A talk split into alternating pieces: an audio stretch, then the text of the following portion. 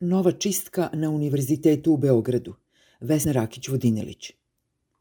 Ako je čistka pripremljena i upravo odpočinje kao što slutim, radi se o neuobičajenom početku, jer prvi korak je bio jedno unapređenje u zvanje redovnog profesora.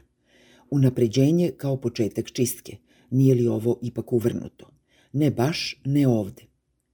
Odlukom Senata univerziteta okončan je postupak unapređenja doktora Mladena Čudanova – a on je bio član etičke komisije Fakulteta organizacionih nauka, da, upravo one koja je utvrdila da u doktorskoj disertaciji kandidata Siniše Malog ima u prvom pokušaju rada te komisije tačno 6,93 odsto preuzetog tuđeg teksta, te da prema tome nije plagijat.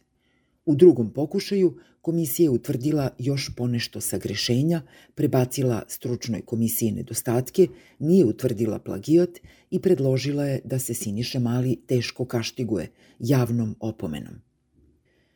Posle nekoliko godina radoznalog istraživačkog posla na prvom mestu profesora Raše Karapanđe, Odbor za profesionalnu etiku Univerziteta u Beogradu je utvrdio da je u pitanju nedvosmisleni masivni plagijat, delom nastao doslovnim prevođenjem, delom prepisivanjem tuđih radova, pa je Senat Univerziteta poništio doktorat. Nije prošlo mnogo da Fon reaguje besramno, predlogom za unapređenje Čudanova. Izveštaj koji je nužan za unapređenje bilo kog, ko radi u nastavi na univerzitetu je, po podnesenim prigovorima, izazvanim upravo ulogom kandidata Čudanova u postupku zaštite kandidata Malog, bio dopunjavan. Predlog za unapređenje i posle dopune ostao je na snazi. Dopunjeni izveštaj, suprotno zakonskim i univerzitetskim pravilima kao i dobrim običajima, nije bio objavljen.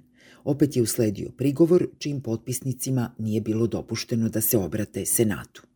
Rektorka univerziteta odlučno je branila izbor Čudanova sa obrazloženjem da ona ne može dopustiti da se ikom na univerzitetu izrekne sankcija zbog mišljenja koje je dao, pa tako ni prilikom odlučivanja da li je mali plagirao svoj rad. Zbog mišljenja. Kakvo to mišljenje daje član jedne etičke komisije onda kada se postavi pitanje plagijata? Da li je to političko, ideološko ili vrednostno mišljenje? Ne, to je profesionalni i etički stav – sud mišljenje. Da li je kandidat prepisivao, ako jeste, odakle, ako jeste kako, prevođenjem, kopiranjem, promenom reči u rečenici. Ako jeste, da li je tako nešto dopušteno i etično. U slučaju mali radi se o primitivnom plagiranju, prevođenjem i kopiranjem, što ni malo nije bilo teško utvrditi, kad su se jednom otkrili izvori plagiranja, to jest tuđi originalni tekstovi. Upravo zbog nedostatka profesionalnosti i etičnosti izjavljen je prigovor protiv Čudanovljevog izbora.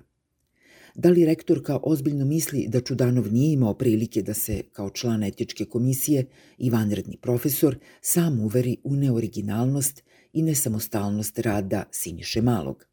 Da nije mogao da pročita ni navodnu disertaciju, ni ranije objavljene radove iz kojih je prepisana – čime objašnjava kada već opravdava ovu čudnu pasivnost Čudanova. Akademskom aristokratičnošću tako visoko iznad trivialnosti prepisivanja. Nedostatkom istraživačke radoznalosti onog koji bi se takvom radoznalošću morao isticati. Strahom pred političkom moći kandidata – Kada se prosuđuje o jednom pisanom radu i o tome formira i iskazuje mišljenje, to mišljenje ne sme biti izraz političke, ideološke, vrednosne, pa ni umetničke slobode. To je profesionalni sud. Nema mesta opravdavanju neprofesionalnosti profesora univerziteta kao ni odsustva etičnosti u oceni naučno-istraživačkih radova drugih.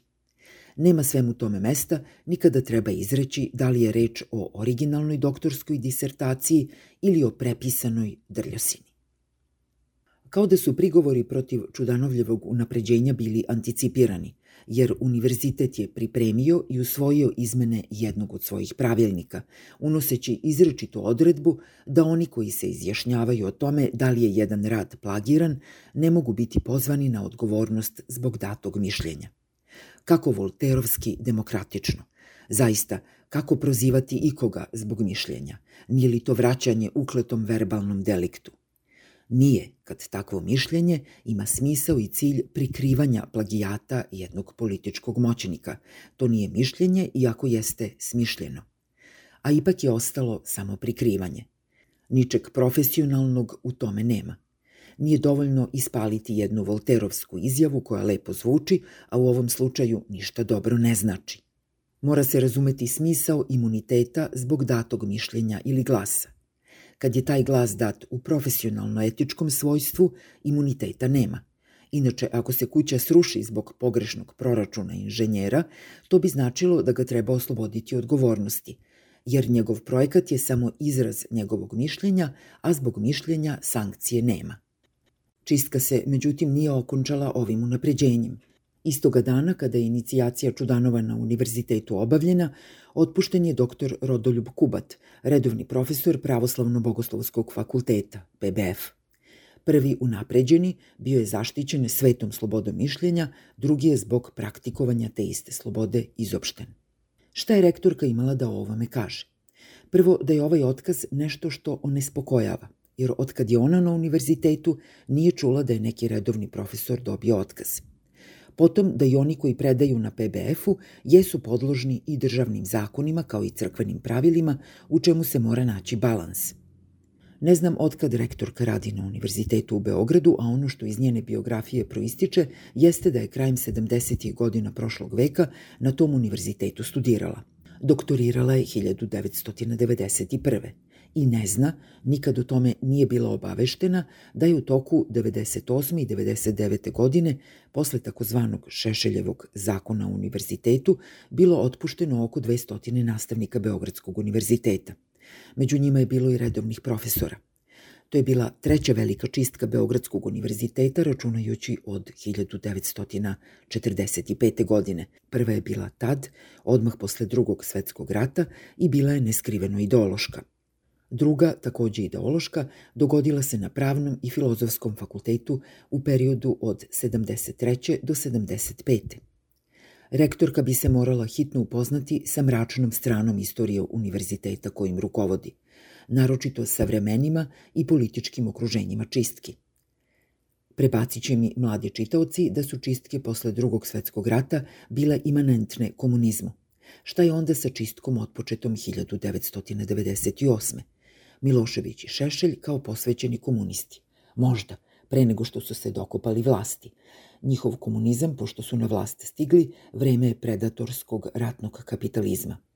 Pogrešno je verovati da su čistke imanentne samo komunizmu, jer tad bi značilo da se neće vratiti i ne bi se vratile krajem 20. veka.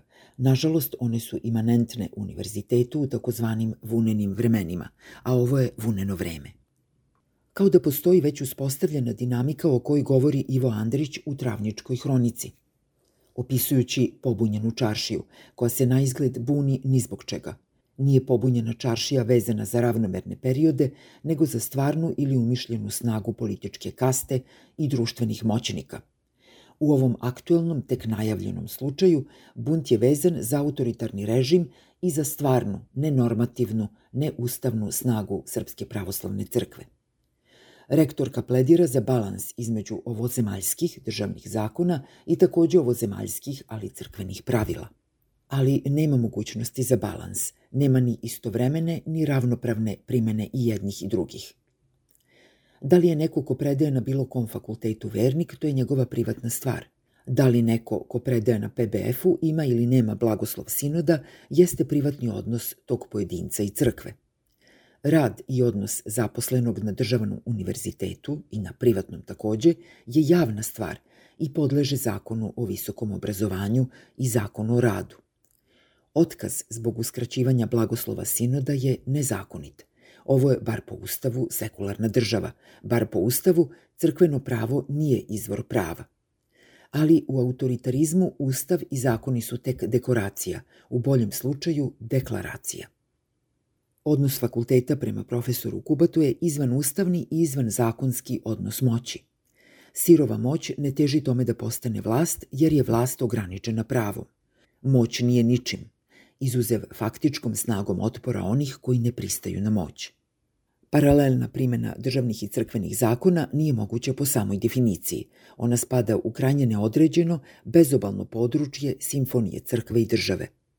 Pa u ovoj našoj autokratiji umesto simfonije imamo kakofoniju koju, već nesnosnu, slušamo mi građani, dok nesputana državno-crkvena moć uživa u predatorstvu svoje simfonije. Unapređenje Čudanova i otkaz Kubatu su povezani, iako Kubat nije imao nikakve veze sa ispitivanjem plagijata Siniše Malog, a nisu povezani ni samo time što je istog dana prvi unapređen, a drugi odstranjen.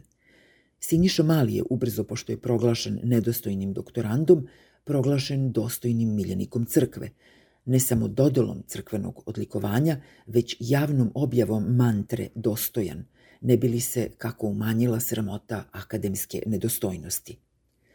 Profesor Kubat je u nekoliko mahova izjavio kako misli da je za njegov otkaz odgovoran episkop Bački Irina Bulović, jer je Kubat postavljao pitanje zakonitosti njegovog angažmana na PBF-u. Takođe, postavljao je pitanje odgovornosti za pokušaj silovanja, za harasment studentkinje, za otmicu jednog studenta Pravoslavne umetničke akademije. To su slutim povodi, dobri povodi sa stanovišta aktuelnog dekana PBF-a ali uzrok je u tome šta profesor Kubat misli, a on eto ne misli, ne govori i ne piše samo o događajima na fakultetu. On, na primer, misli i o teologiji bunta, i to upravo u vreme kada se bunt dešava na beogradskim ulicama. E pa takvo mišljenje, za razliku od Čudanovljevog, ovde nije dopušteno. Takvo mišljenje je istovremeno antidržavna i anticrkvena jereza – Tako o profesoru Kubatu misle i nikako ne odobravaju državni i crkveni moćnici, iako se oni ne smiju o tome pitati, niti o tome suditi. To i takvo mišljenje je ono zbog kojeg niko ne može biti sankcionisan, iako već jeste. To nije profesionalno mišljenje kojim se štiti plagijator. To je profesionalno i etičko mišljenje o predmetu koji profesor istražuje. Neka ga episkop pobija, neka ga kritikuje, ali ono nije osnov za otkaz, ne po zakonu. Ali po osnovu ničim sputane moći, može mi se, može nam se. Profesor Kubat je sad stavljen u poziciju da se obrati prosvetnoj inspekciji ili neposredno sudu. Čekaće na sudsku presudu po redovnom toku efikasnosti sudske procedure oko četiri godine. Nisu ovo jedina dva slučaja najavljene čistke – Vanrednom profesoru Fona, dr. Vladimiru Obradoviću, dekan Fona nije raspisao konkurs, što je po zakonu morao učiniti pre isteka vremena od pet godina na koliko se vanredni profesori biraju u to zvanje. Zato što profesor misli da je poslušnost način da se bude u milosti dekana. I još o tome govori javno povodom plagijata malog. Jedna sam od onih koji su prošli toplog zeca čistke 1998 vidim neke prepoznatljive pripremne kvazi pravne znake. A budući da se istorija ponavlja kao farsa, ti pravni znaci su ovog puta pripisivi univerzitetskom pravu, jednom autonomnom pravu, dok su država i crkva tu da pripomognu kad zatreba. Nadam se da se moja slutnja u novoj čistki zasnovana na dežavi znacima neće ostvariti, a neće ako i se na vreme pruži ozbiljan otpor – baš kao što stoji u izveštaju VDEM instituta za 2020. godinu. Kada se meri nedemokratičnost u jednoj državi, moraju se uzeti u obzir akademske slobode. Naše su sada u nedostojnom balansu autonomije, koja samu sebe razara uz nesebičnu pomoć nosilaca društvene moći i slobode mišljenja, koja se selektivno uzima u obzir.